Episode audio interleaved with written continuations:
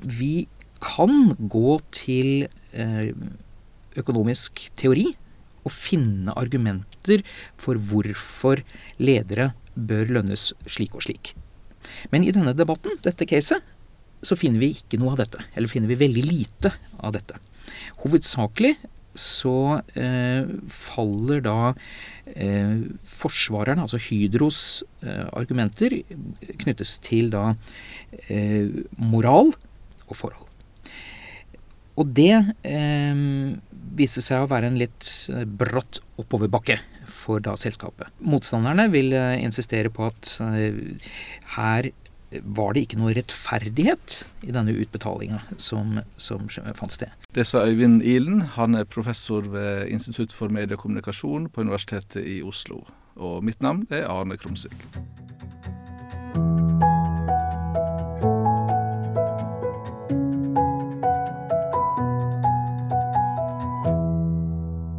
Jeg er spesielt interessert i virksomhetsretorikk.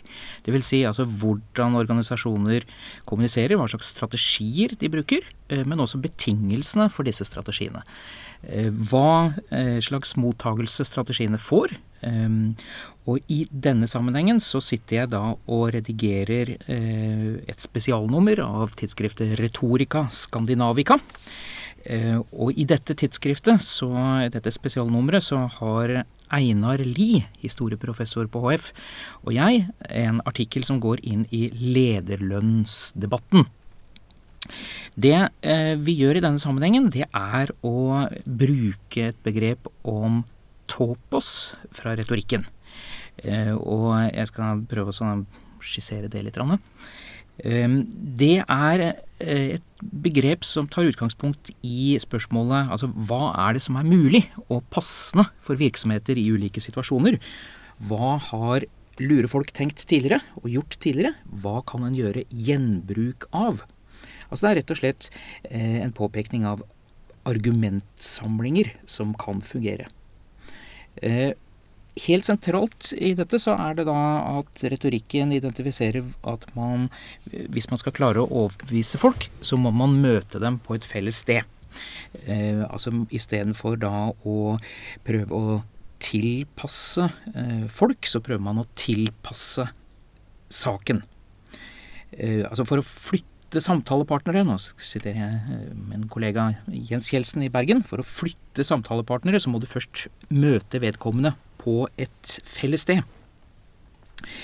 Eh, og teorien om topos hjelper til eh, med dette her. Altså produktivt med å forme saken, men også da sånn akademisk analytisk med å forstå eh, hvordan saken er forsøkt forma av en som kommuniserer. Eller en retor, da. Eh, Topos-begrepet har en veldig lang og litt sånn vanskelig og kludrete eh, historie. Eh, så det er gjort mange forsøk på å beskrive dette nærmere utover den arbeidsdefinisjonen som jeg nevnte. En inndeling er f.eks. gjort av en dansk forsker som heter Jonas Gabrielsen. Han snakker om at en topos kan fungere på, eller du kan forstå dette på fire ulike måter. Eh, for det første så kan du forstå det som en type heuristikk. Altså en liste, en lære om å finne stoff. Lister eh, som sier at for å diskutere eh, en type politikk, så kan en snakke om økonomi, man kan snakke om krig, forsvar, lover etc. Og dersom en snakker om f.eks. krig, så kan en diskutere faktisk styrke, potensiell styrke osv. Så videre. sånn at innenfor retorikken så har du da eh, lister over spørsmål man kan stille til stoffet. Og dette er da igjen metoder for å eh, tenke rundt og hvordan man skal forme en sak. Eh, en annen måte å tenke eh, topos på, er at man ser dette som en form for gjenbruk. Altså der topoiene i seg sjøl er stoffet. Eh, dette er da topoi, altså sånn stående uttrykk som at en skal ikke tro på rykter osv.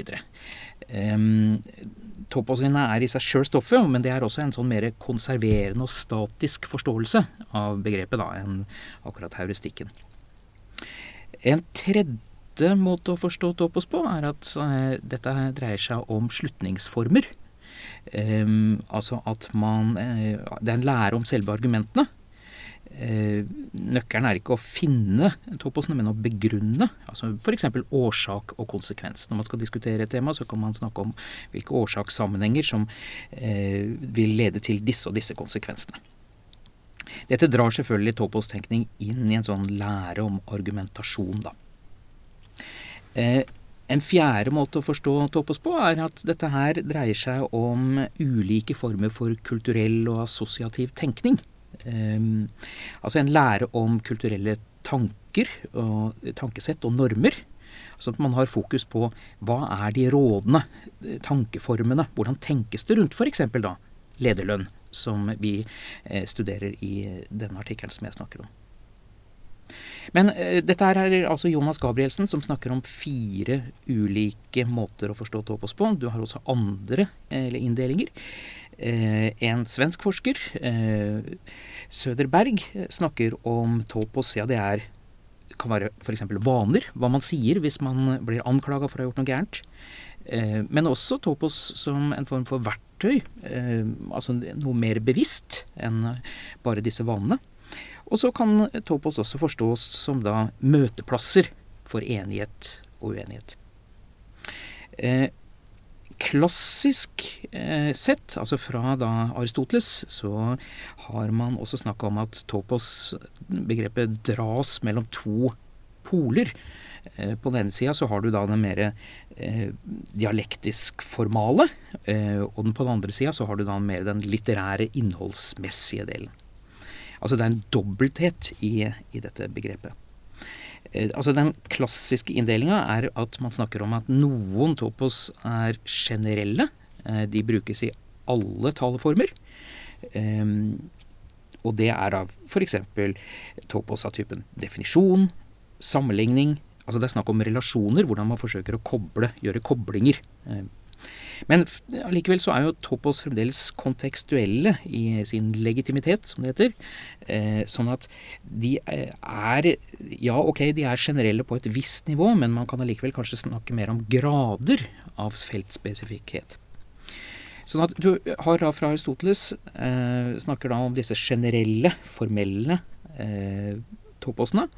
Og så har du den andre hovedformen, som er mer spesielle, eh, som går på sak. Som altså politikk. Innenfor politikk så kan man snakke om økonomi, moral osv.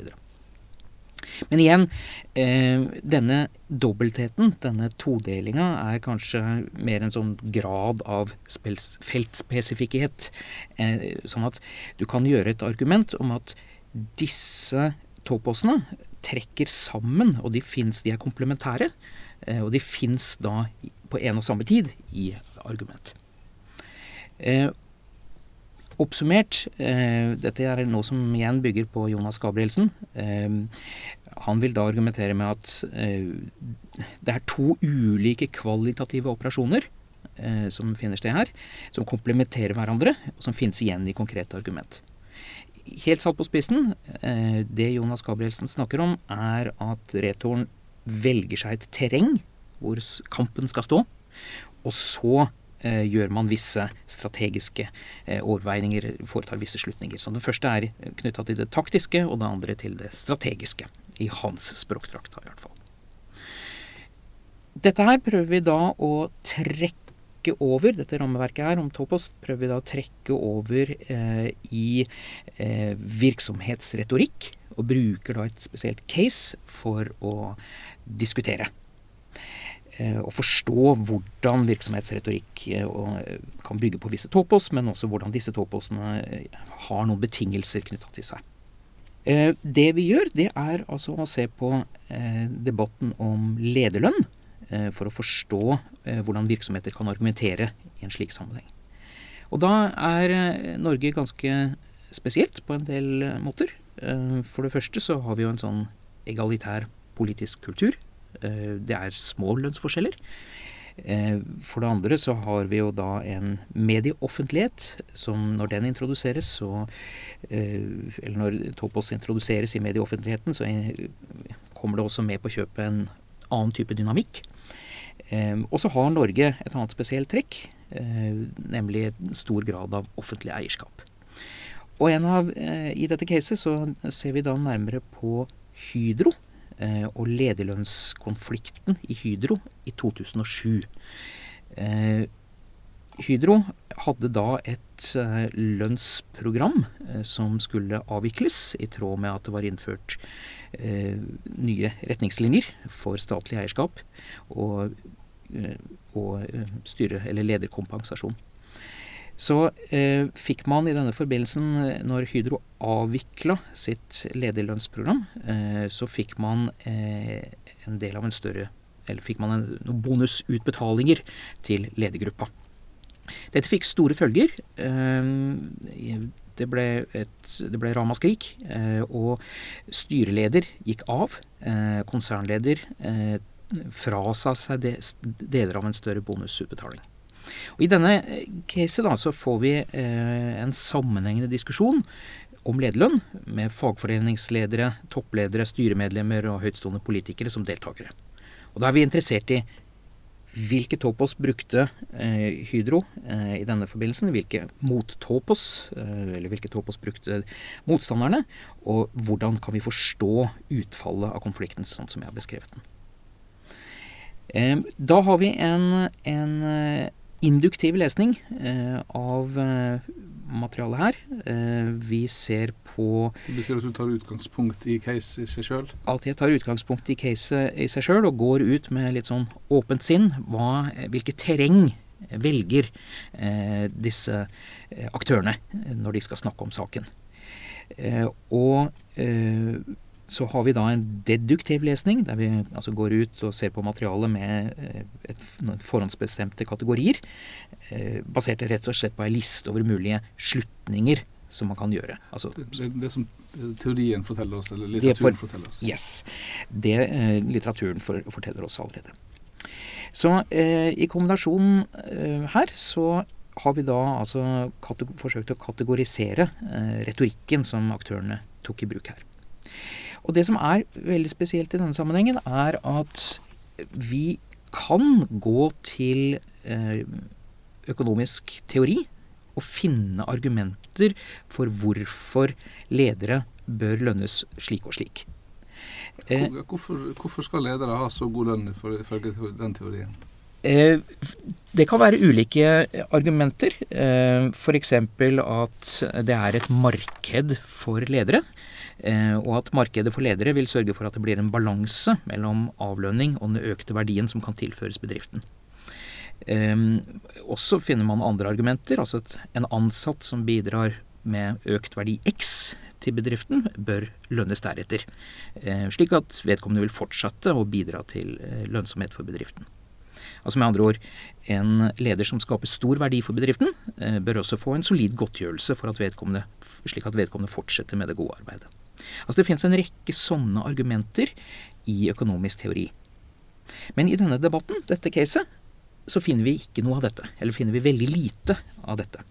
Hovedsakelig så eh, faller da eh, forsvarerne, altså Hydros eh, argumenter, knyttes til da eh, moral og forhold. Altså Man sier at ja, men denne saken dreier seg om at man eh, må overholde inngåtte avtaler. Vi, eh, hvis man ikke overholder inngåtte avtaler, så vil man ikke bli stolt på. Sånn at Hydros hovedargumentasjon i denne saken knytta seg ikke til økonomisk teori. Eh, det knytta seg til eh, moral og forhold. Og det eh, viste seg å være en litt brått bratt oppoverbakke for da selskapet. Eh, motstanderne vil eh, insistere på at eh, her var det ikke noe rettferdighet i denne utbetalinga som, som, fant sted. Det var ikke Hydro-ledernes fortjeneste at oljeprisen hadde gått opp, f.eks. Eh, man, Så det var en bonus knytta til uh, utvikling i oljeprisen? da? Korrekt. Eh, Hydro gjorde det veldig bra, men det var altså ikke først og fremst eh, ledernes fortjeneste var motstandernes argumentasjon. Eller så eh, knytta da motstanderne eh, denne, dette lønnsnivået til moral også, men eh, insisterte på at dette, disse nivåene på bonusene var hinsides. Og dette var en argumentasjon som kom fra hele det politiske spekteret. Eh, dette var hinsides, dette var ikke tilpassa en norsk virkelighet, osv. Og, dette var da nært forbundet også med da en eh, topos om likhet, altså at man knytter til denne eh, politiske verdien om likhet i, i Norge. Og at disse bonusene bidro til en forskjell mellom folk som man da ikke ønska. Eh, og endelig så vil motstanderne også da argumentere med at her var det jo en bedrift med et stort statlig eh, eierskap, eh, og at man da måtte vise Det var ekstra stor grunn til at man måtte vise ansvar, og da kanskje også solidaritet. Så det vi har gjort, Einar Lie og jeg, i denne artikkelen, det er altså å forsøke å sortere argumentene i debatten ved hjelp av denne topos-teorien. Vi kan konstatere at det dreier seg først og fremst om moral, likhet, ansvarlighet, rettferdighet. Lite om økonomi. Eh, og så gjør vi da den koblinga at i og med at denne debatten eh, ble dratt ut fra styrerommene og over i, eh, en medieoffentlighet, så eh, har man også en situasjon hvor betingelsene på denne arenaen gjør at de moralske argumentene trumfer de økonomiske. Eh, det er ikke plass, det er ikke interesse, det er ikke rom for å føre denne økonomiske debatten på denne arenaen. Det trenger ikke å være slik, mener vi å poengtere. Men det er altså få som målbærer, eller får anledning til å målbære disse økonomiske argumentene også. Det, tror du det er helt spesifikt til den aktuelle eh, konflikten data som dere eh, analyserte? Eller det nok, gir det uttrykk for eh, hva som er argument som er mulig å bruke i den norske debatten? Jeg tror det er et klassisk eksempel på hva som er mulig å gjøre i den norske debatten på mediearenaen. Hvorfor er det slik? Jeg tror det er noen sterke eh, føringer i den politiske kulturen. Jeg tror det er sider ved det norske medielandskapet det er for så vidt ikke noe spesielt Eller det er ikke bare egenskaper knytta til de norske mediene. Dette er noe vi kjenner igjen fra uh, utaskjærs også. Men i den norske konteksten, som legger vekt på likhet, uh, og man har en mer uh, ja, med fare for å sette ting på spissen, moralistisk tilnærming til dette, så vil det gi sånne utslag. Er det forskjell eh, på måten eh, en leder da diskuterer lønna si med, med, sine foresatte, og, og, måten det kan forklares på i det offentlige rom? Eh, jeg tror at når debatten føres i det offentlige rom, så blir den mer polarisert. Og igjen, det blir viktig for aktører å posisjonere seg. Og knytte an da til sentrale norske verdier. Og at markeringsbehov kommer også inn eh, og er viktig. Kan du utdype det med markeringsbehov? Hva tenker du på da? Eh, at man eh, flagger sitt eh, politiske eh, ståsted. Eh, får sagt klart og tydelig fra at det er disse verdiene som man tenker er de mest sentrale. og at en del av nyansene da forsvinner. Er dette et uh, norsk fenomen, eller et skandinavisk, eller europeisk? Eller altså, hvordan uh, ser verden ut der ute? Akkurat uh, nå mens vi sitter og snakker, så skal Einar Lie finne noe mer empiri på det utenlandske. Eh, men vi kan jo konstatere at det er et veldig stort gap mellom eh, toppsjefer og eh, vanlige ansatte i f.eks. amerikansk næringsliv, i engelsk næringsliv, i tysk næringsliv, og at det er og for så vidt svensk også, sammenligna da med det norske. Det har vi selvfølgelig empiri på. Men å få fram noen av eksemplene om hvordan dette diskuteres, eh, internasjonalt. Det er vi interessert i. Men så finner du også eh, konkrete eksempler hvor man har gått lenger enn den norske, eh, norske debatten og den norske, norske, politikere. Hvor man da har også innført et tak på lederlønninger. Jeg lurer på om det er i Sveits f.eks. at man har gjort dette.